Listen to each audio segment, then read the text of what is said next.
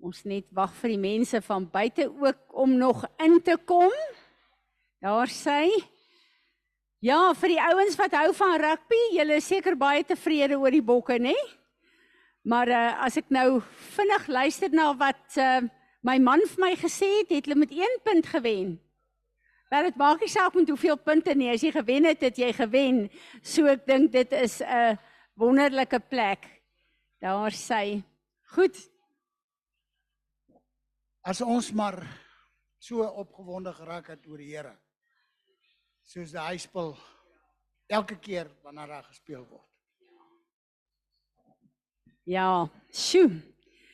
Ehm um, ek moet vir julle sê ek is eintlik so opgewonde oor vandag se woord dat ek amper dadelik in die woord in wil gaan, maar ek besef ek kan nie. Ek wil uh, vir julle sê hele paar mense het vir my gevra of ek sal praat oor die verloop van die eindtye. Van waar ons nou is, wat die woord sê. Ek gaan volgende week daaroor praat. Maar ek gaan letterlik vir julle vra, bring julle Bybels almal saam. Ons gaan na elkeen van die woorde toe, want dit help nie ek sê net iets nie, julle moet self ook in die woord kan sien wat daar staan en as die Heilige Gees met ons praat dat hy my sal korrigeer. Maar as ons 'n woord wil hoor van die Here, dan moet ons in die heel eerste plek absoluut net die woord van God op die tafel kry. Daar's te veel stemme daar buite julle en ek wil julle waarsku. Daar is baie baie lering, openbaringe, profetiese woord daar buite. En dis my hartseer om te sê selfs ouens wat ek vertrou, stem ek nie meer saam nie want ek sien iets anders in die woord. Ons moet deur die Heilige Gees van God, die woord van God as ons enigste riglyn in hierdie tyd hou. Ek het altyd gedink as ek daai skrif lees van even the elect will be deceived, dan het ek gedink is dit die wedergebore kinders van die Here, maar is nie moontlik nie want ons het die woord van God wat duidelik is, maar as ek sien wat nou aangaan en hoe mense wat ek weet wat regtig op pad met die Here loop, goed begin sien wat ek sien wat die woord nie sê nie, dan besef ek ons het die Here nodig. Ons kan nie op ons eie insig te staat maak nie. Kom ons staan en ons aanbid hom. Vader, met watter opgewondenheid, watter vreugde Wat 'n wonderlike dankbaarheid in ons harte is ons hier vanoggend hier om as 'n vergadering van heiliges voor U te kom buig in aanbidding om te sê Here, ons is hier uitsluitlik met een doel om U stem te hoor, om U woord te hoor. Ons is hier om deur U ge geleer te word. Ons is hier om deur U gewaarsku te word, om deur U gewas te word, om deur U oortuig te word van waar ons verkeerd is, Here, sodat ons dit kan regmaak. Dankie dat U in U woord vas staan tot in alle ewigheid. Dankie dat U beloftes van die begin tot die einde dieselfde is. Dankie dat U in U woord die enigste betroubare, getroue verwysing wat ons het op aarde, Here. En dankie dat ons in hierdie tyd ook weet dat die beloftes wat U gemaak het, is ja en amen. Die gawes wat U kom gee, Here, is onomkeerbaar. Dankie dat ons U as 'n standaard het. Dankie dat ons U as 'n riglyn het. Dankie dat ons U as 'n grenslyn het, Here. Ons harte loop oor van dankbaarheid en daarom wil ons kom van hierdie plek af, Here. Ons wil saam met die hele skepping daar buite wil ons kom juig, die naam van ons God groot maak. Ons wil kom sê wie is daar wat met hom vergelyk kan word? Niemand nie. Ons wil kom sê Here, ons weet U is alwetend, U is alomteenwoordig, U is heilig. Here, U is verhewe en ons aanbid U as die God wat alles geskaap het, maar alles in die holte van U hand hou. En ons wil kom soos U woord sê, die hemel en die aarde sal saam getuig van die heiligheid en die heerlikheid van ons God. En ons kom hier as aarde, as vleeswesens, Here, maar in die gees kom ons ook in ons stem saam met al u engele wat u aanbid op hierdie oomblik, Here. Al die heiliges wat u aanbid en ons wil kom saamstem en sê heilig, heilig. Heilig is die Here God almagtig. Hy wat was, hy wat is, hy wat sal wees tot in alle ewigheid. Here, wat 'n vreugde om met gesonde liggame vanoggend hier te kan staan. Wat 'n vreugde, Here, om 'n verstand te hê wat kan uh, luister, kan hoor, kan uh, praat, Here, wat kan saamstem met U en met U skepping. En ons wil vir U dankie sê, Here, vir U liefde wat uitgestort is in ons elkeen se harte. Ons wil vir U dankie sê, Here Jesus. U het ons nie as weeskinders kom agterlaat nie. Heilige Gees, U wat in ons woning maak. Dankie daarvoor. Here Jesus, dankie dat U gekom het en dit wat ons nie kan doen nie, wat ons nooit sal regkry nie, dat U gekom het en ons kom vrykoop het van die hand van die vyand. Dat U ons teruggebring het na Vader God se oorspronklike plan vir ons elkeen se lewens. Dankie daarvoor.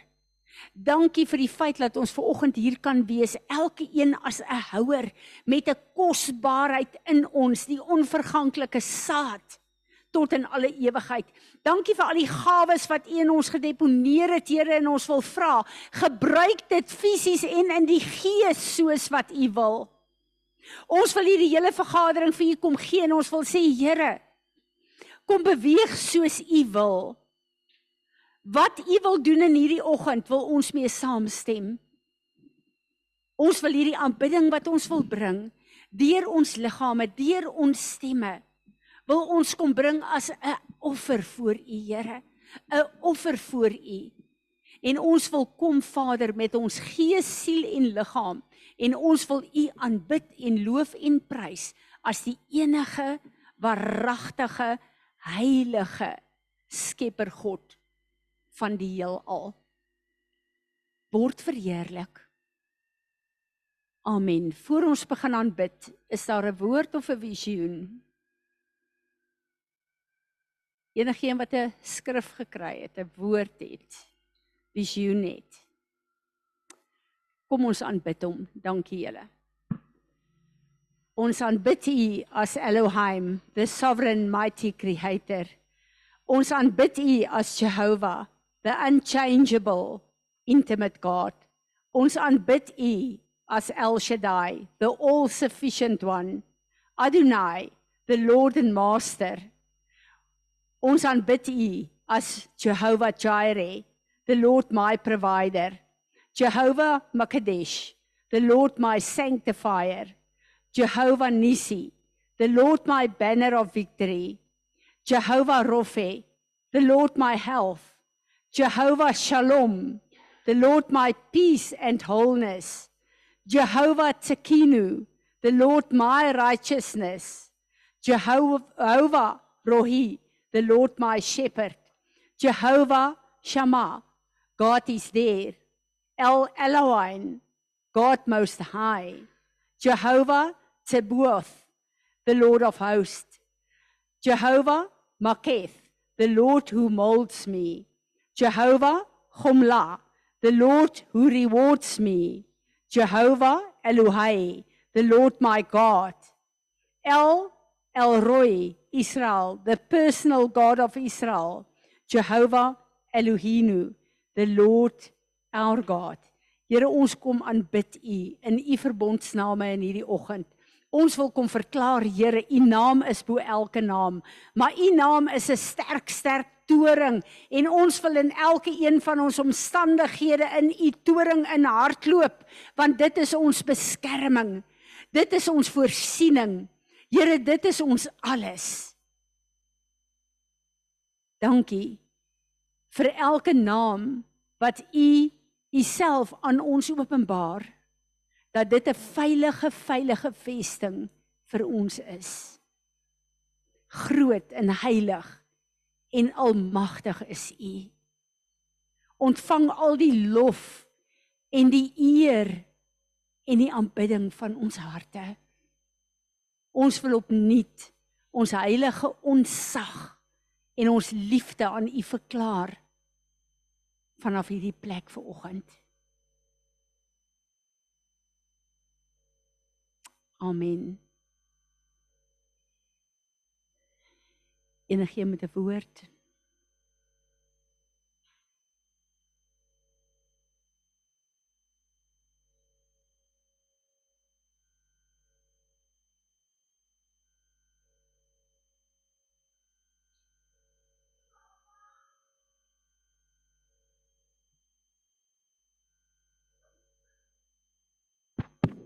Ek weet nie wat ek sien nie, nê? Nee. Maar ek sien die Here verander ons oë dat ons verby goed kan sien. Agter goed kan sien. En hy maak ons brein groter om dit daarin te kan bære. Ek weet nie om dit dis wat ek sien. Here, dankie. Dit is presies wat ver oggend in hierdie boodskap van u gebeur. Dankie dat u vir ons nuwe oë en nuwe insig gaan gee oor wie u is, maar wie ons ook is. En dat dit die vrees van die vyand gaan skei van ons vrees vir ons God. Help ons om te sien en te hoor wat u vir ons sê.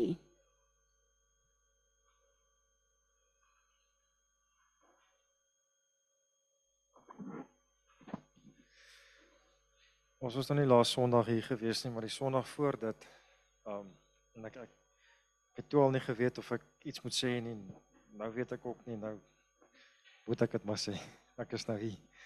Ek het laas Sondag toe ons gehoorship het ehm um, gesien waar 'n mens wat ek was, ek weet nie wie nie, in 'n gat is, in 'n put is. Kaal met niks aan nie.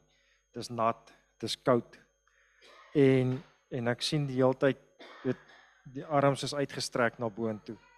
En ehm um, en daar kom 'n lig oor. Oor die gat kom daar lig oor. En nou ek is nou al 2 weke met die ding besig en ek ek kry nie antwoorde nie. Ek kry nie regtig iets verders gesien of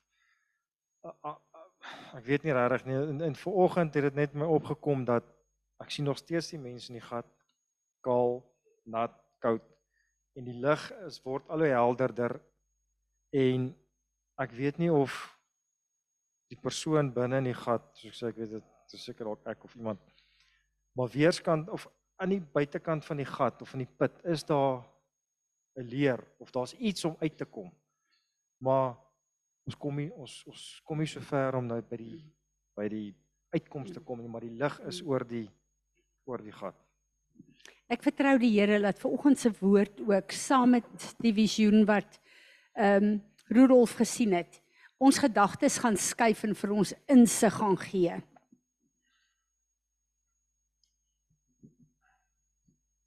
Ek het ehm um, is nog ek wil eintlik 'n verklaring maak vir oggend. Ehm um, ek is die tyd van die jaar dan kyk ek baie keer terug in my dagboek waar was ek laas jaar die tyd? En om eintlik aan te sluit by wat Rudolf en wat Willem sê. Daar was 'n tyd, die laaste amper 7 jaar, wat as ek boeke lees en ek sien God is good, dan wil ek dit amper nie hoor nie en ek wil dit amper nie sien nie, want ek het nie sy goedheid in my lewe gesien nie, want my visie was nie waar dit moet wees nie. En die laaste jaar het ek gesien hoe die Here alles reg geskuif het en plek goed in plek geskuif het in my lewe en besig is om dit te doen. En ek wil vanoggend verklaar, God is good. En daar waar jy sit en waar jy voel daar's nie hoop nie. Byt vas want daar's 'n tyd. Ons sien nie God werk nie, daai miracle worker, maar hy doen. En eendag dan lyk dit so suddenly. Dan kyk jy terug, dan dink dan sien mense skielik, kyk waar is die persoon? Maar hulle weet nie die pad wat jy gestap het nie. Maar byt vas want God is good. Amen. Ek ek het die ek het 'n geweldige gevoel van in die woord wat ek daarvoor kan sê is dankbaarheid. Ek weet nie of daar nog woorde is genoegdoening uh verligting. Ek weet nie wat sê mense nie, maar daai gevoel is oor my. Maar nou wil ek net vir julle vertel om aan te sluit by Willem. Ek het paar keer al en gisternag weer het ek hierdie drome van ehm um, Dis 'n dis 'n dis 'n doolhof, dis 'n stad, dis 'n groot plek met steegies in donkerte. Jy sien die ligte, maar iemand is weg. Of jy moet daar uitkom en jy kry dit nie reg. Ek weet nie of jy dit uh, uh, al jy, jy jy soek die heeltyd en jy's angstig en jy's benoud. En ehm um, dan eindig my droom altyd of ek word wakker voor ek iemand kry of lig sien of wat ook al, maar dis hierdie gesoek in hierdie donkerte. Ek vertrou regtig dat die woord vir oggend vir ons 'n um, 'n goeie woord gaan wees. Ehm um, Terwyl ons, ek wil net vir julle sê die naam van God is die kragtigste plek van veiligheid, van beskerming, van voorsiening van alles in ons lewe. Terwyl ons nou hierdie name na ons die song gesing het en aangegaan het met die name. Baie keer as die Here sy teenwoordigheid ehm um, manifesteer, dan voel dit vir my ek weet nie of ek moet aangaan met hierdie diens of ons net moet hierdie tyd gebruik om om te aanbid die hele tyd nie. So tasbaar is sy teenwoordigheid. En dis vir my altyd so 'n veilige plek vir ons as gemeente om te weet ons is in sy wil vir hierdie tyd. Ehm um, daar's 'n klompie goed wat ek wou wou gedeel het voor voor ons begin, maar ek ek voel vir my net ek moet net in die woord ingaan. Ek wil net vir julle sê bid asseblief vir Izaan, sy gaan uh Dinsdag vir 'n pynblok haar rug is baie seer. Rudolf sit met 'n rugpyn.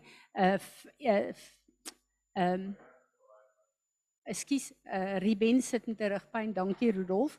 En uh Elna, uh François se suster kom terug. So ek wil hê ons moet net vir hulle almal bid asseblief. En ons is bitter dankbaar vir wat die Here vir jou gedoen het, Fani. Dis vir ons lekker om te weet dat die Here gee vir die dokters wysheid om te doen wat gedoen moet word. Uh na donderdagoggend met die woord wat ek gedeel het met uh vroeg die oggend ek het op die groepe gesit uh, op die vroue groep gesit, maar toe het ek dit ook gedeel hier by ons. En ek het soveel terugvoer gekry van mense wat bang is. Wat in vrees ingaan vir hierdie tye. Hulle besef ons is nie eindtye, maar hulle is bang hulle maak dit nie. En skielik het daar onsekerheid van 'n klomp mense ehm um, net eenvoudig in hulle lewe ingekom en hulle wonder, is hulle dalk een van daai vyf maagde. En ek wil 'n bietjie vanoggend daaroor praat. En dan volgende week wil ek die Here vertrou dat ons gaan kyk na die verloop van die eindtye vir ons as kinders van die Here. Nie net die tribulation nie, ons sal bietjie daaraan raak, maar ons, waar pas ons in en wat sê die woord? Nie mense of profete of leringe of revelation nie, wat sê die woord? Waar is ons en waarvan gaan ons deel wees dat ons weet hoe ons onsself moet posisioneer. Nou ek het Romeine 10 gelees. Nou Romeine 10 is 'n baie baie belangrike uh, gedeelte vir ons. Dit gaan ook in hierdie dae uh ek is bekommerd as ek hoor hoeveel wedergebore kinders van God het kritiek teen Israel in hierdie tyd. En dis vir my 'n groot bekommernis want ons moet een ding onthou dat Israel is die volk wat God gekies het. Al God se beloftes vir Israel bly ja en amen. Al God se beloftes vir die land Israel bly ja en amen. God het die beloftes gegee vir Abraham, ek gaan van jou 'n vader maak, jou saad wie ons almal is sal die nasies inneem en jou land, hierdie land gee ek vir jou. Israel is God se eiendom, daai land, daai fisiese land en God het dit vir Israel gegee tot in alle ewigheid. En daarom gaan die heilige stad Jerusalem in ons taal God se hoofkantoor ook fisies aftaal daar. So ons moet weet, soos wat God getrou is aan homself, hy gaan nooit verander sy planne oor Israel nie. Want as hy sy planne oor Israel verander, dan kan ek en jy nie seker wees van ons redding nie. As God van gedagte daar verander, kan hy gaan van gedagte hierop verander. God is getrou aan homself tot in alle ewigheid en daarom is hy getrou aan ons ook. Romeine 10, ek wil 'n paar skrifte lees uit Romeine uit. So to the present time there is a remnant, a small believing minority, selected chosen by the grace of God, God's unmerited favor and graciousness. But it is by grace, his unmerited favor and graciousness and is no longer conditioned on works or anything man have to do. Ek en jy is daai remnant. Ons is deur God gekies. Ons is deur hom gered deur sy genade. Dis 'n werk van God. Dit het niks met my en jou te doen nie. Stop om te dink dat ek en jy iets spesiaal moet doen om ons redding 'n werklikheid te maak. Stop om te dink ek en jy moet iets spesiaal doen buite ons elke dag se lewe waarvan ek net nou gaan praat om ons te laat kwalifiseer om deel te wees van die maagde. Die oomblik as ons begin in daai rigting gaan, is ons besig om te luister vir 'n godsdiensgees wat ons weer in werke wil insit, wat ons weer onder wette wil inplaas. En dis nie die genade van God nie. Otherwise, grace would no longer be grace, it would be meaningless. When then shall we conclude Israel failed to obtain what is sought, God's favor by obedience to the law?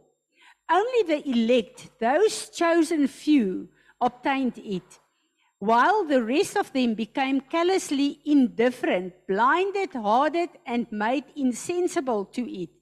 Now, if their stumbling, their lapse, their transgression has so enriched the world at large, and if Israel's failure means such riches to the Gentiles, think what an enrichment and greater advantage will follow their reinstatement. Now, but now I am speaking to you who are Gentiles. Nou praat Paulus met my en met jou. In as much then as I am an apostle of the Gentiles, I lay great stress on my ministry and magnify my office in the hope of making my fellow Jews jealous in order to stir them up to intimate copy and appropriate and thus managing to save some of them. My en jou se optrede en die krag van God in ons lewe as gentiles.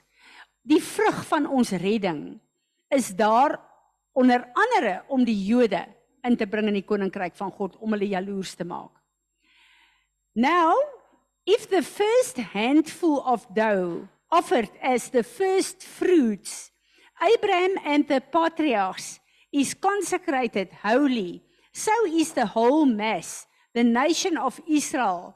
And if the root, Abraham, is consecrated holy, so are the branches. As ons hier kyk na wat Paulus praat, dan sê hy ons moet een ding onthou, Israel is 'n tipe van 'n eerste vrug. En dit gaan nie oor Israel nie, dit gaan oor Abraham wat die vader van almal is. En as Abraham as first fruit geregtigheid en geloof voor God gereken is. Ek en jy is die saad van Abraham. Maar wat baie belangriker is, is ek en jy se first fruit is Jesus Christus. En die krag van 'n first fruit is iets wat jy God mee eer om te sê Here, ek kom tryd in die eerste wat uit U geskape is, wat heilig is, wat rein is, wat volmaak is, wat vrugbaar is, wat ek kom daarin tryd. Ek eer U daarvoor want ek wil lyk like, soos daai first fruit. En Jesus Christus is my en jou se first fruit. Hy is die oorspronklike. En soos wat hy lyk like, na hy opgestaan het, is ek en jy die res van daai vrug. Kan ons lyk soos hy gelyk het? Ons weet dat die Here gekom het en in die tuin van Eden gesê het, Adam en Eva, hier is my eerste vrug vir die aarde en vir die mensdom. As julle my eer en gehoorsaam, dan gaan die hele res van die wêreld lyk soos hierdie eerste vrug. As julle my gehoorsaam en as julle my eer. But some of the branches were broken off while you a wild olive shoot were grafted in among them to share the riches of the root and the sap of the olive tree. Do not boast over the branches and pride yourself at their expense. If you do boast and feel superior, remember it is not you that the root support. It's not you that support the root, but the root that supports you. Alles gaan oor hom. Hy is die ware wynstok. Ek en jy is daai wilde takke wat vir die vuur bestem was, wat afgebreek is en ons is ingeënt in die ware olyfboom. Ek en jy het niks daarmee te doen nie. Al wat ek en jy gedoen het is om in geloof te kom en te sê ons aanvaar dit. Daar's niks wat ek en jy gedoen en bewerk het nie. Pas op om in gesprekke in te gaan waar ons boast dat ons wedergebore is in die Jode nog nie. Die Here kom waarsku ons hier. Dit gaan nie oor ons. Ons het niks met ons redding te doen nie. Hy het dit bonatuurlik gedoen. Hy het bonatuurlik ons as wille takke kom inent. En daarom het ek en jy dieselfde voordeel van die wortels. Alles kom uit die wortels uit. You will say then, branches were broken pruned off so that I may be grafted in. That is true, but they were broken pruned off because of their unbelief, their lack of real faith. And you are established through faith because you do believe. Die Here sê die Israeliete is gediskwalifiseer omdat hulle God nie geglo het vir wie hy is nie. En ek wil hê ons moet mooi hoor hierdie ding. Hulle het God geglo dat hy God is. Maar hulle het God nie geglo vir wie God vir hulle moet wees nie. Hulle het geglo hy is die skepper, hulle het geglo, hulle het geglo wie God is. Hoor dit mooi. Maar hulle het nie geglo wie God vir hulle wil wees nie. Daarom kon hulle nie optree volgens wat God hulle geroep het om te wees nie. En daarom het hulle soos die vrye boom geraak wat onvrugbaar is wat Jesus moes vervloek. Ek en jy moet geloof hê in hierdie God vir wie hy ons gemaak het sodat in vervulling kan kom sy plan in en deur ons lewe anders is ons geloof nie vrugbaar nie. Besef julle hoe fyn is hierdie lyn?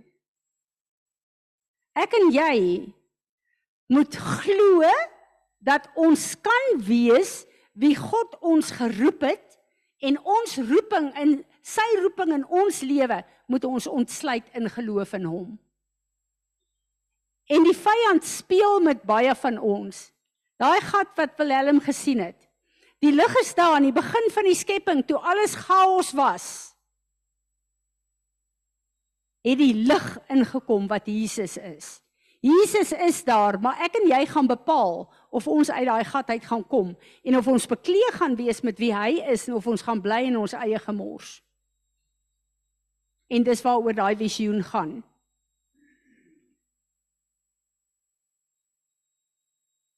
Do not become proud and conceited, but rather stand in awe and be reverently afraid. For if God did not spare the natural branches because of unbelief, neither will he spare you if you are guilty of the same offense. Hulle het nie nie geglo in God nie. Hulle het geglo in God. Maar hulle het nie geglo in wat hulle moet wees vir God vir die nasies van die wêreld nie. Hulle was nie produktief in hulle eie lewe in hulle geloof in God nie. En dit ek besef hier is die ding wat wat Rudolf kom sê het. Die Here is besig om vir ons iets te wys in ons verstand wat ons nie raak sien nie. Daarom leef ons dit nie. Daarom word baie van die goed in ons lewe nie oopgesluit nie. Ons glo God kan baie goed doen vir ander mense. Maar glo ons dat hy dit wil doen en kan doen vir ons? Het ons daai geloof in hom gefestig in ons om te ontsluit wat hy in ons lewe wil doen. Ek wil ek wil vir julle vra lees die hele gedeelte maar ek wil kom by iets wat vir my baie belangrik is. Uh from the viewpoint of the gospel the good, good news they the Jews are uh, at present are enemies of God which is for your advantage and benefit. Die feit dat hulle nog nie gesien het die meeste van die Jode wie Jesus is nie is wat my en jou in die koninkryk ingebring het. But from the viewpoint of God's choice of selection of divine selection they are still the beloved dear to him for the sake of their fathers. Terwille van God se verbond met Abraham, Isak en Jakob is die Jode vir hom nog net so spesiaal. Is hulle nog net so geliefd by God as destyds? Hoe groot is ons God net nie? Dan kom hy en hy sê, "For God's gifts and his call are irrevocable. He never withdraws them when once they are given and he does not change his mind about those to whom he gives his grace or to whom he sends his call. Just as you were once disobedient and rebellious towards God, but now have obtained his mercy through their disobedience, so they also now are being disobedient when you are receiving mercy, that they in turn may one day, through the mercy you are enjoying, also receive mercy. Wat is die grootste ding van God se genade vir die Jode vandag? My en jou intersessie. Ons gebede in die Here om sy volk terug te bring huis toe. Hulle bly God se geliefde volk. Nou wil ek by 'n ding kom wat 'n uh, 'n groot groot gedeelte van Rudolf se visioen gaan oopsluit. Maar hierdie is vir my so 'n wonderlike openbaring wat vir my woorde gee.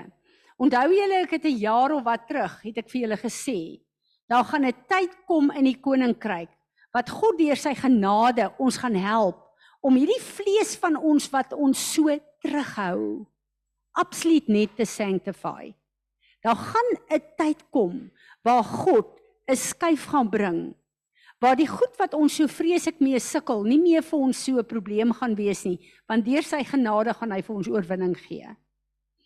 Ek kry Vrydag 'n julle 'n stuk wat Francis Frans Jopin geskryf het wat vir my so 'n plek van rejoicing is en ek weet dit gaan ons almal vandag bedien. So ek gaan dit vir ons lees. Prior to releasing a new product to the general uh, public manufacturers uh, put their in invention through a series of tests to see how their product product handles stress and other issues. Typically, they will test their product in a smaller control group before presenting it the general uh, public. This time of testing is sometimes called beta. It means it's still being tested repeatedly for effectiveness and func functionality. Did it, did it do what they projected it to do? Manufacturers don't want to spend a fortune on a promotion without knowing their product will work outside the lab. They test it under stressed conditions. Once it passes the test, then it is released. Ons almal weet presies as daar 'n nuwe ding op die mark is. Iets word net in die mark gesit en release as daai ding baie goed getoets is. As hulle baie seker gemaak het dat hierdie is 'n produk wat hulle kan um release om te doen wat hy gemaak is om te doen. God has a new product in mind. At the end of the age, dis nou julle. He intends to reveal a new species of man, a new creation. The new man comes equipped with a Christ-like heart, a heavenly mind and an eternal spirit. For now, however, the new man still looks like the old man, and prior to releasing the new man, we will face levels of testing. Welkom. The more tests we passed, the more God releases us to the general public. Right now, I would say most of us are in the beta stage. God is testing us to see if we can keep our hearts from bitterness or anger. Do we keep the faith even when we go through times of darkness and fear?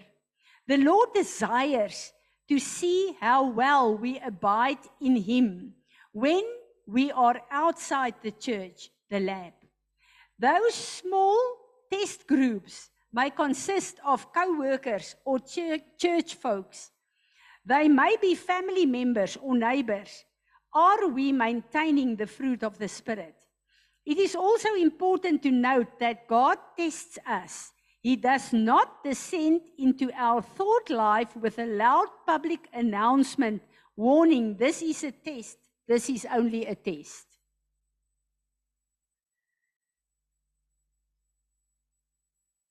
Skus laat nou net teruggaan. A true test examines what we are like under stress and in real life conditions. It appears in our lives without forewarning that it is coming. Wie van julle kan hiermee absoluut vergelyk? He is exam uh, you see God isn't testing how well we can outwardly look Christian. he is examining the quality of what we actually are inwardly. Even more than possessing right a- answers, he desires our uh, he desires we possess right attitudes and responses. He wants to know if we can function under adverse conditions, spiritual warfare and stress. Sjoe. Dit voel vir my so of hy net met my praat. Weet nie van julle nie, maar hy praat net met my. Let us underscore this truth about God. He will test the quality of his work in us. Remember the Lord's conversation with Satan. God asked, "Have you considered my servant Job?" The Lord described Job as being unique in all the earth, a blameless and upright man, fearing God and turning away from evil. The implication is in that question Have you considered Job? Is that God had worked some deep things in Job, and now was a time for the inner transformation to be tested? Let us also note that Satan had considered Job. Job. He had a dossier on him filled with information. When Satan sought to attack Job, the devil couldn't get near him. God had placed a hedge about Job and his house and all that he has on every side. Probably for many years, Satan had examined Job but couldn't touch him because of the in, uh, ondeurdringbare uh, beskerming om Job and his family that Job and his family enjoyed. For all the devil tried to do to stop it, God has blessed the work of Job's hands and his possessions have increased in the land. Yes, Satan had considered Job. We too would do well to consider the story of Job and the revelation it provides us concerning our tests and their outcomes. If we walk with God in integrity and intercession, as did Job, we can trust that the normal status of our lives will be completely protected and hedged on every side. Ek wil hê ons moet net hier 'n uh, luister en aandag gee. Job se elke dag se lewe en wandel met God het hom gekwalifiseer. Hoor julle dit? Job het nie in 'n tyd van worship of in 'n tyd van spesiale afsondering of in 'n vas of in 'n Job se gewone normale elke dag se lewe en wat hy gedoen en wat hy gewerk het, hoe hy sy gesin hanteer het. Dit is wat Job, 'n man in God se oë gemaak het wat blameless is. The third thing um the second thing we uh, should recognize is that we do come under severe spiritual attack. It is because God is testing the quality of his work in us. He knows the capacity to overcome is within us. Otherwise he would not have allowed the enemy access to us. Hoor julle hierdie ding?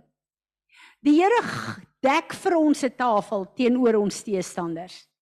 Maar die Here gaan nie die vyand toelaat om ons aan te val as hy nie weet ek en jy het alles om dit te oorwin nie. Hoor julle dit? Dit is vir my een van daai wonderlike gerusstellings. The third thing to note is that while tests in the world are usually accomplished in labs or controlled environments, God's tests come in the real world. Thus, we might not realize that what we are going through is a test, for the test will be a real life experience.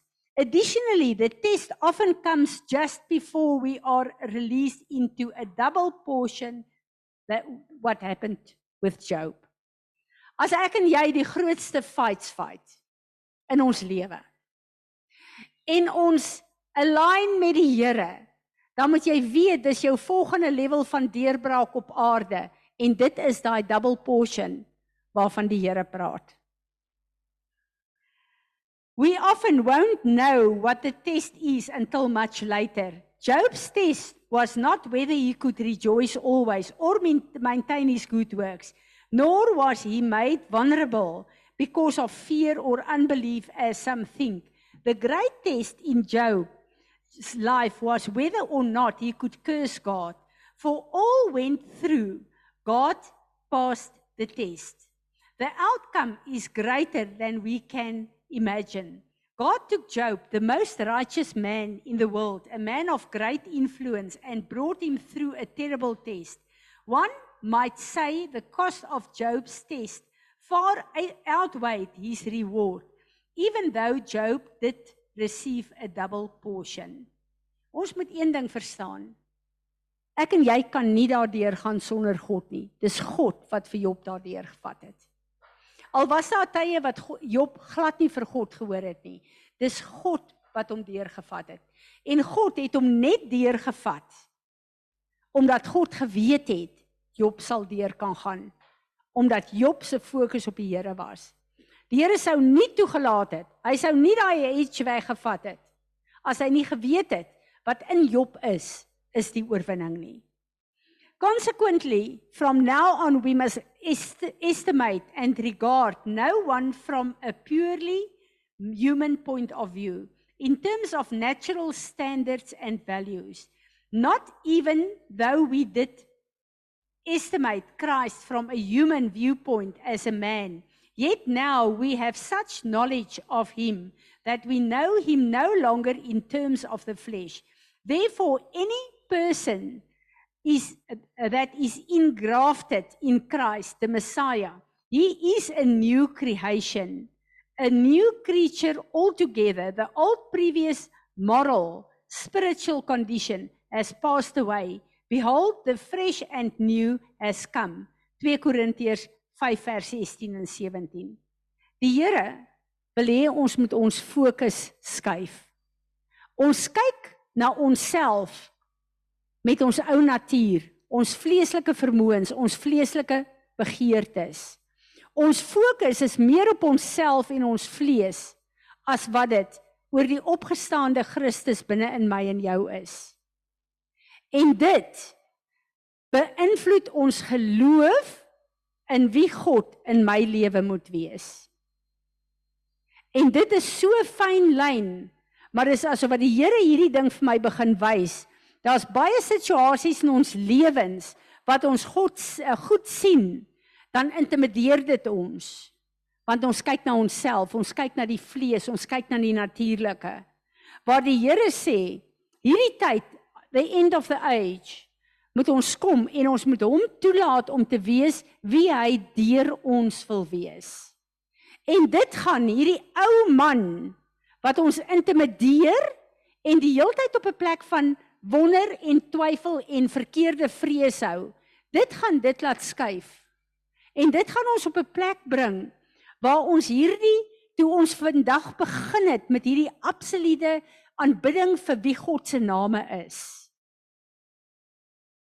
Weet julle dat al daai name is in my en jou opgesluit.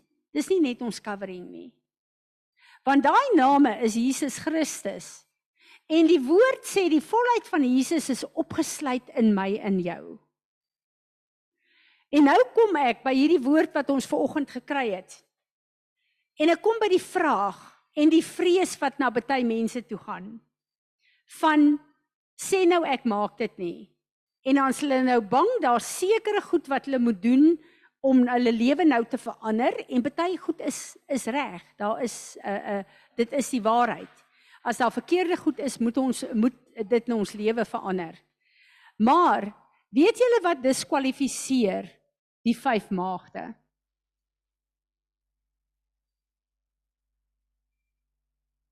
Hulle verhouding met die Heilige Gees wat Jesus is, dis die Gees van Jesus wat sit in die regterhand van Vader God wat Vader God die hoogste naam bo elke naam gemaak het. Dit beteken daar is 'n plek waar ek en jy in vriendskap met die Heilige Gees moet groei. En as ek iemand het wat 24 ure 'n dag langs my stap en ek ignoreer hom, ek erken hom nie, ek praat nie met hom nie, ek ehm um, dan sê ek nie 'n verhouding met daai persoon nie. Daai persoon is by my, maar ek is nie in 'n verhouding met daai persoon nie.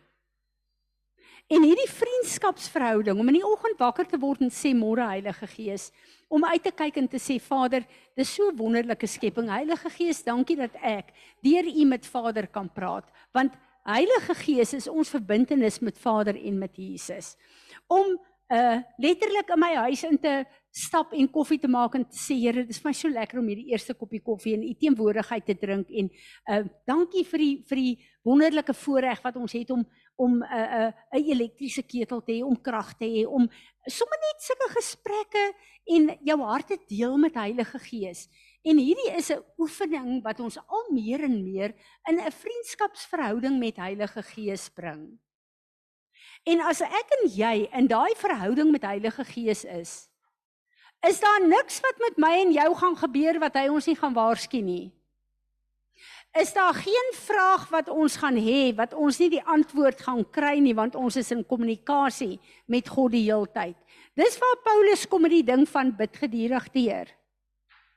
En ek en jy moet groei in verhouding met die Heilige Gees. Dis die hele ding van Job. Job sy hele lewe, alles wat hy gedoen het. Hy was 'n koning in daai tyd gewees. Jy die geskiedenis gaan gaan uh kyk. Hy was ook 'n priester gewees. Hy was as jy kyk na die invloed vloedryke man wat Job was in daai tyd. In sy elke dag se lewe met die mense saam met wie hy geleef het met die besluite wat hy moes neem met die met sy huishouding, met die mense wat vir hom gewerk het, met sy familie, met sy in sy daaglikse lewe was hy in 'n verhouding met God dat God self gesê het hierdie is 'n regverdige man. Job het nie skielik iets moes gedoen het dat God hom moet raak sien nie. Ek en jy in hierdie hele konteks van die 5 en die 5 uh, maagde. Daar is nie 'n lyn wat gaan trek van okay nou het Marie het genoeg gedoen. Sy olie is goed genoeg en 'n uh, uh, Tanya uh, moes 'n bietjie meer gedoen het. Daar's nie so 'n ding nie. Dis ons elke dag se verhouding met die Here. Dis die salwing van Jesus Christus, die Heilige Gees wat deur ons groei op 'n daaglikse basis. En as ek en jy nou skielik moet toets, waar staan ek en jy in verhouding met die Heilige Gees om hom in ons lewe aanhoudend te hê? Vra vir jou die vraag. Tot ek ver oggend hier ingekom het, hoeveel keer het ek met Heilige Gees en met die Here gepraat? en gesels van ek opgestaan het. En dit antwoord ons. Dit antwoord elke een van ons. En as ek en jy op 'n plek is waar ons nie in daai kommunikasie is nie, dan moet ons dit nou begin doen. Want daar sekerre goed, hoe meer ek iemand ken, hoe meer kan daai persone invloed in my lewe hê. Want ek weet ek kan daai persoon vertrou. En hoe meer kan ek 'n persoon vertrou om inspraak te hê en vir my te waarsku waar goed in my lewe nie reg is nie. En dit is hierdie elke dag se verhouding wat ek en jy met Heilige Gees moet hê. En toets jouself vanoggend met die vraag: Voor ek vanoggend kerk toe gekom het, hoeveel keer het ek gekommunikeer met Heilige Gees en met die Here? En dan natuurlik 'n groot ding, die feit dat ek en jy hier is ver oggend. Daar is in die wêreld oralster 'n afvalligheid van mense wat nie meer kerk toe kom nie. Dis net te veel moeite. En die feit dat ons kom en sê Here, ek kom hier met my liggaam, want U sê die gemeenskap van die heiliges is belangrik. En as ek dink aan ver oggend julle Ek dink elke een van julle het dit ervaar. Het julle die teenwoordigheid van die Here ervaar vaardig, ou, soos hy vaardig raak toe ons hom aanbid het aan sy name. As ek en jy nie vanoggend hier was nie, het ons dit nie gevoel nie. En dis die salwing van die Here wat die juke van die vyand op ons breek. Ek wil elke juk wat nie van hom af is nie op my skouers gebreek het en hierdie in ons geestelike familie in hierdie byeenkoms is een van die plekke waar dit gebeur. Amen. Wie van julle het 'n woord hier by voor ons die verbondstekens gaan vier? Ek wil net vir julle sê vir oggend vroeg het ek te doen gehad met 'n situasie in my gesin. Dit voel vir my die Here wil hê ek moet dit gebruik as 'n getuienis. Ehm um, my een klein seun is uh, hoërskool toe in 'n baie bekende skool in die land en hulle was op 'n toer gewees die week wat verby is en in die toer was daar twee kinders gewees, dis 'n seunskool waar ehm um, 'n 'n Afrikaanse kind en ek dink dis 'n Tswana kind is die twee Belhamels. En in hierdie toer het hulle rituele gedoen. Wat ek weet wat rituele is, die kinders nie geweet is rituele nie. Wat vir my baie interessant is van dit is baie gelink ge aan die vrymenslary van die uh, Afrikaners veral, maar ook in die witchcraft van die swart volke. En onder andere het goed gebeur van waar hulle uh, goed gemaak het. Hulle moet nou sekere ede neem en dan het hulle nou 'n mengsel gemaak waar onder andere urine in was wat die kinders moes drink. En my kleinseun het geweier om dit te drink en hulle het hom in 'n kas toegemaak. En hy het al engte vrees begin kry. En hy het toe desperaat begin skree en gesê ek sal dit drink, ek sal dit drink, haal my net hier uit. En die einde van die hele ding is dat natuurlik die uh, my seun en, en my skoondogter wil hom onmiddellik uitvat en hulle wil uh, dis mos hoe ons ouers is. Ons wil ons kinders en ons moet ons kinders beskerm. En hulle bel my en ek ons begin te bid, bid daaroor en die Here wys vir my alles wat hier gebeur het en ek's baie uh, baie ontsteld want uh, julle moet versigtig wees. Daar word etikette en identiteite aan julle kinders gesit deur hierdie rituele wat hulle lewe kan beïnvloed. Die toemaak en die toesluit in hierdie kas was vir my presies dieselfde as die doop van die vrymeslaers in die doodskus gewees. Wat jou destiny afsny, wat dood oor jou bring, wat die So hierdie is nie net speletjies van kinders nie. Hierdie is rituele wat aan die gang is. En ons begin toe te bid daaroor en ehm um, een van die dinge wat die Here vir my sê en ek sê dit om aan te sluit by wat die Here vanoggend vir ons gesê het hier. Hy laat sekere toetse oor ons kom om ons te vorm om ons te mold.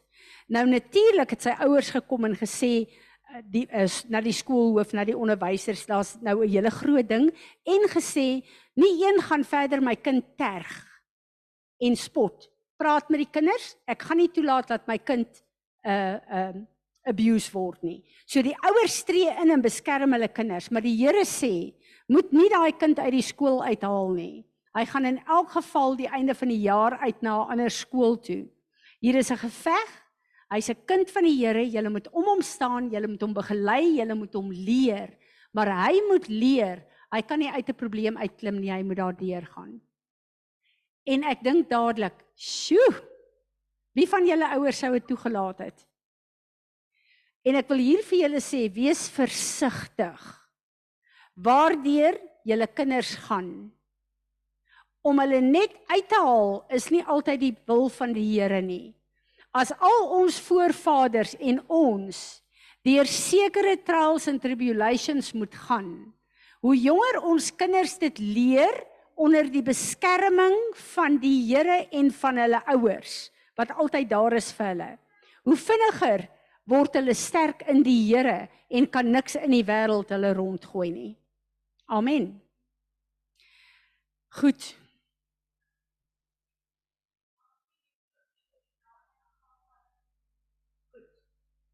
Ek wil graag met julle deel nou nou wat jy nou sê is die Here die Here loop die pad klaar vir ons vooruit so ons hoef nie bang te wees nie. Ek het Dinsdagoggend het ek toe ek Bybel gelees het sê ek nog vir Fani dink ek met ontbyt het ek vir hom gesê jy's hierdie song van Waymaker land net so in my. En die hele dag loop ek met hierdie song en ek sing hom. En ek en hy is laat bed toe en ons het min geslaap 'n uur en 'n half toe hoor ek hom hier's fout. Maar ek het besef soos jy nou sê 'n hele paar maande terug het ek in die nag gery en ek het besef ek kan nie mooi sien in die nag nie. So ek kan nie ek kan nie mooi so toe hy nou ongevalle wil die vrees mens mos nou vat en dadelik drop dit in my. Waymaker, Miracle Worker, Promise Keeper, Light in the Darkness. En ek besef in die kar, ou my het, ek moet net nie vir Fanie kyk nie. Ek ek moet nie vir hom kyk nie, want as ek die pyn ervaar, gaan ek my fokus verloor. En hoe hoe die Here ons dra en ek wil vir elkeen van julle dankie sê vir elke boodskap. Want nes dit vir my gevoel het nou nou raak dit vir my lank, nou raak dit vir my baie dan kom maar 'n boodskap deur wat sê you've got this. Hou net uit dit gaan nou nou stop en prys die Here dat hy so getrou is, dat hy ons altyd help. En partykeer knak ons knieë en dan voel dit of jy faal. Maar dis soos jy sê, Job het nooit gefaal die omdat hy omdat hy bietjie gevou het nie. Die Here is getrou. Amen. Agatha en Izaan maak vir ons oop. Okay. Hallo Tannie. Hallo Izaan. O, dis Agatha. Agatha, hallo. Ehm Tannie, ek het gisterand 'n droom gehad. Ek het nou gedink is vir myself bedoel, maar dit het gegaan oor sleutels en dit het gegaan oor die persoon het na my toe. Ek wou dit nie deel nie, Tannie, skus. Ek ja, ek dog dit is vir my bedoel, maar die persoon het na my toe gekom en ge gesê ek moet kyk na sy kos, sy kos reg. En ek het deur die kos gegaan en alles was reg, maar die brood was te droog geweest. Toe sê ek vir sy vrou gaan huis toe en gaan haal vir hom ander kos. En sy sê toe maar sy het nie 'n sleutel om in huis te kom nie. En ek sê toe maar ek het 'n spaarsleutel. En die vrou was woedend kwaad geweest, so sy hoor ek het 'n sleutel en dan toe gooi sy die sleutel wat sy gehad het terug. So die hele ding het gegaan oor sleutels. En ek weet nie of dit dalk te doen het met vandag se preek waar dit wat deur jy gaan, jou tafel is klaar gedek. Jy moet net daai sleutel optel en vaardig raak daarmee. Weet jy Agatha, vanoggend toe ek saam my kinders gebid het en ek neem die sleutels van die koninkryk van God. En met die autoriteit van Jesus Christus sluit ek alles toe wat die vyand oopgemaak het oor hierdie kind. En ek ontsluit soos wat in die hemel is weer terug in sy lewe. Was daar so finaliteit gewees. So, dankie vir daai droom. Dit is net so 'n bevestiging Ek en jy het die sleutels van die koninkryk van God. Ons het die autoriteit om toe te sluit wat nie van hom af is nie, maar ons het die autoriteit om oop te sluit wat van hom af is in ons eie lewe en in ons kinders se lewe. Amen. Izaan, Dan ek het net gekry um Haggai 2 vers 23 sê in that day says the Lord of hosts will I take you my servant the son of Shal Shaltiel says the Lord I will make you through the Messiah your descendant my signet ring for I have chosen you jy kan niks doen nie I have chosen you as the one with whom to renew my covenant to David's line, says the Lord of hosts. amen. Amen. Dankie Vader dat U vandag vir ons sê, U dit kom seël met U seelring. U verbond is onverbreekbaar. Niks kan dit breek nie. Dit staan vas en ewig. Ek en ehm um, elke een van ons wat hier sit is 'n ewige verbond met U deur die bloed van Jesus. Dankie daarvoor. Vader, ons wil sommer vir Hizaan bid waar sy Dinsdag uh, hospitaal toe gaan. Vader, ons bid vir elke sekonde wat sy onder narkose sal wees dat U haar toemaak, gees, siel en liggaam. Ons bid vir haar bewussyn, haar bewustelose vlak en haar onderbewussyn dat U dit sal afseël met die bloed van Jesus dat geen onheil naby haar sal kom nie. Vader, laat geen altare in daai hospitaal enigiets sal aktiveer in haar nie. En Vader, niks wat in die hospitaal aan die gang is, geen virusse, geen bugs, geen kieme, niks sal naby haar kom nie. En ons bid dat hierdie dokter effektief sal wees in hierdie pynblok wat hy moet doen. Vader, en laat sy sonder pyn uit die hospitaal uit sal kom in die naam van Jesus. Amen. Amen. Nog iemand wat iets wil sê?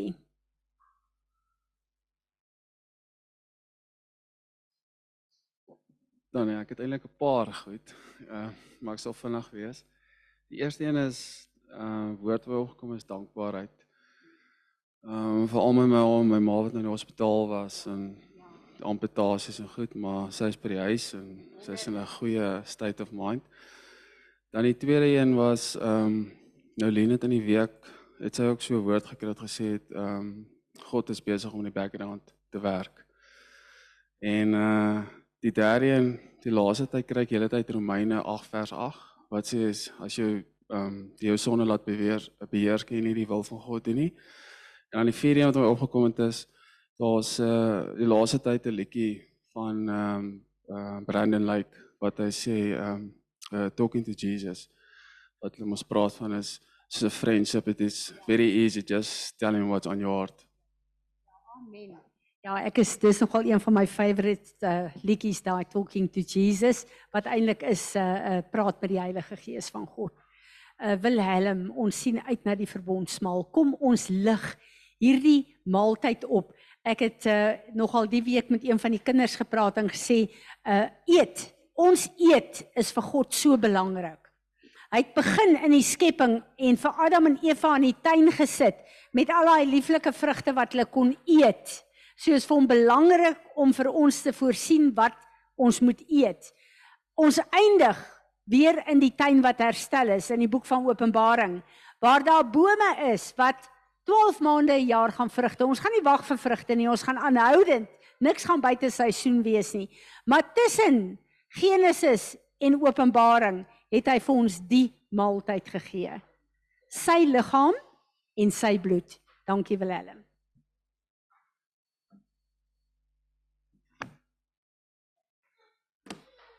Ek wil net gou regstel Izaan gaan môre hospitaal toe nie Dinsdag nie.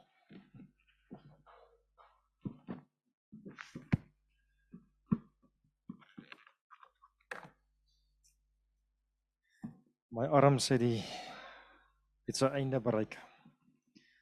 OK, ek wil ek weet nie regtig wie die deel is van die verbondsmaal nie, maar vir oggend ehm um, ek ek het op Timulus se uh, 'n uh, um app wat hulle het, hulle elke dag so reading en uh, nee nee die die die Bybel wat hulle so deur die Bybel lees en ek kyk vanoggend daarna.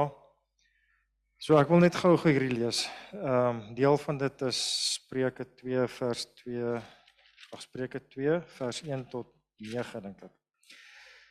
En ek dink dit sluit nogal by vandag aan. My son, if you will receive my words and treasures of my commandments within you, making your ear attentive to skillful and godly wisdom, and inclining and directing your heart and mind to understanding, applying all your powers to the quest for it. Yes, if you cry out for insight and raise your voice for understanding, if you seek wisdom as for silver and search for skillful and godly wisdom as for hidden treasures. Then you will understand the reverent and worshipful fear of the Lord and find the knowledge of our omniscient God. For the Lord gives skillful and godly wisdom.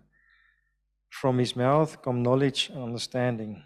He hides away sound and godly wisdom and stores it for the righteous, those who are upright and in right standing with him. He is a shield to those who walk uprightly and in integrity that he may guard and paths the paths of justice. Yes, he preserves the way of, the, of his saints. Then you will understand righteousness, justice, and fair dealing in every area and relation. Yes, you will understand every good path.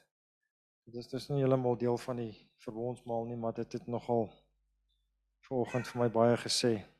Um ek moet my versie kry.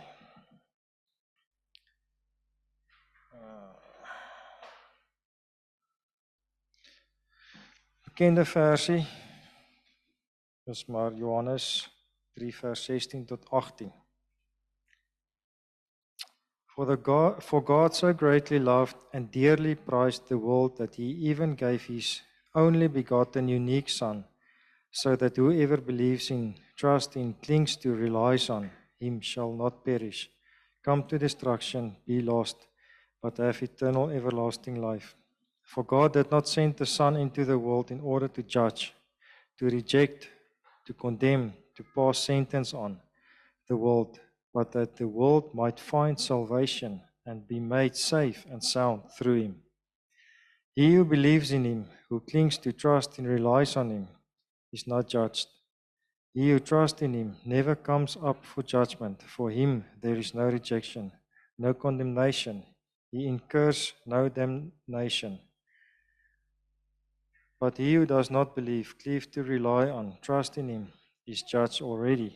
He has already been convicted and has already received his sentence because he has not believed and trusted in the name of the only begotten Son of God. He is condemned for refusing to set his trust rest in Christ's name. Toe ek dit vanoggend lees, um ek volg nou nogal die Israel oorlog en dis dit nou nogal vir my ja ek weet nie ek raak sommer half emosioneel as daaraan dink aan um wat in Israel aangaan en en hulle weet nie wie Jesus nie. Hulle weet wie Jesus maar hulle aanvaar hom nie. En soos dit hy vir elkeen van ons gesterf het en ons dit weet, het hy vir elkeen van hulle ook gesterf en hulle weet dit nie. Ehm um, so ek wil net vanoggend kom, Vader, ek wil kom instaan vir elke Jood, elke Israeliet. En ek wil kom vergifnis vra, Vader, laat ons U nie ken nie. Dat ons U nie erken nie. En laat ons U nie aanvaar nie, Vader. Vergewe ons daarvoor. En Vader, ek wil bid dat U in elke een se hart sal werk en elke een Heilige Gees 'n uh, ontmoeting mee sal hê. Laat hulle U sal sien en laat hulle sal weet dat Jesus het vir hulle ook gesterf aan die kruis en hulle is U uitverkore volk en U het hulle so lief en U wil hulle so graag vashou en um net koester. Dankie Vader vir die verbondstekens wat ons kan gebruik. In Jesus naam. Amen. Iets wat vir my belangrik is, Isaan het die skrif vir ons gegee van die verbond van God van met die seelring en ehm um, Tanya het terwyl Willem gebid het met die verbondsmaal het sy 'n goue spiraal gesien. Daai goue spiraal is letterlik met ja, met Jakob die sterkhuis wat afgekom het. En Jakob het gesê waarlik dit is die plek van God en God het die verbond daar met Jakob bevestig. So Vader, ons wil vir U dankie sê dat wanneer ons hierdie verbondstekens uh, gebruik vir oggend, dan sit vir ons 'n realiteit dat ons 'n verbond met U is. Baie dankie. Dankie vir die voorreg om dit te kan doen. Amen. Ek wil vir julle vra 'n 'n ruk gelede, daar is 'n vroue konferensie in Turkye en ehm um, die vorige keer toe ons daar was Ariel Gate is gewoonlik die ehm um, counselling uh span daarvan. Uh ek het die ek het op 'n tyd 'n geleentheid gehad om deel te wees daarvan wat 'n uh, groot geleentheid vir my was en 'n baie 'n uh, humbling experience want die vrouens wat daar is is die vrouens van die leiers van die toelande en baie van daai vrouens se mans is heilig in die tronk en so is baie slegte situasies waarin hulle is en ons uh, wat val dan nou onder Ariel Gate is die counselling span. En uh, ek besef dis een van die salwinge wat die Here hier in hierdie gemeente geplaas uh, het. En sou ek gaan dan gaan ek maar die uh, woord van die Here sê almal van julle wat bid daarvoor deel in die byt wat die Here gee. Ehm um, ek het was nie seker nie en ek moet in myself eintlik sê ek was nie baie lus daarvoor gewees nie. En ek het gevra dat ons moet bid daaroor en die Here het 'n duidelike woord gegee die skrif van die droom wat Paulus gehad het met die Macedoniër wat gesê het kom help ons. En ek het besef ek met my eie uh gevoelens op sy sit en ek het gedink ek sal gaan. Maar ehm uh, hierdie week het Johan vir my gesê hy voel ongemaklik met die oorlog in Israel. En uh wat my betref as my man uh, die Here het nog altyd deur Johan gepraat met sulke goed dan wil ek graag luister. Maar ek het 'n ongemak in my. Ek wil asseblief vir julle vra bid. Ek wil nie iets mis wat die Here wil hê ons moet doen nie. Maar ek wil ook nie uh, ek weet dat as die Here wil hê ek moet gaan gaan hy heel eers met my man werk want my man moet vrede daarmee hê. Maar bid vir my en Johan laat ons sal hoor dis die einde van November dis net 'n week maar dat ons sal hoor en dat ons sal doen wat op die Here se hart is. As die Here wil hê ek moet gaan, dan weet hy wie moet ek bedien daar. Dan weet hy dat daai gawes wat ons vandag van gepraat het, is iets in my wat hy wil gebruik daar en ek wil nie eendag hoor dat ek ongehoorsaam was nie. So asseblief bid en as die Here vir julle 'n pertinente woord gee, uh kontak my asseblief. Kom ons staan en ontvang die seën van die Here en dan gaan ons uit in sy vrede en in sy blydskap vandag.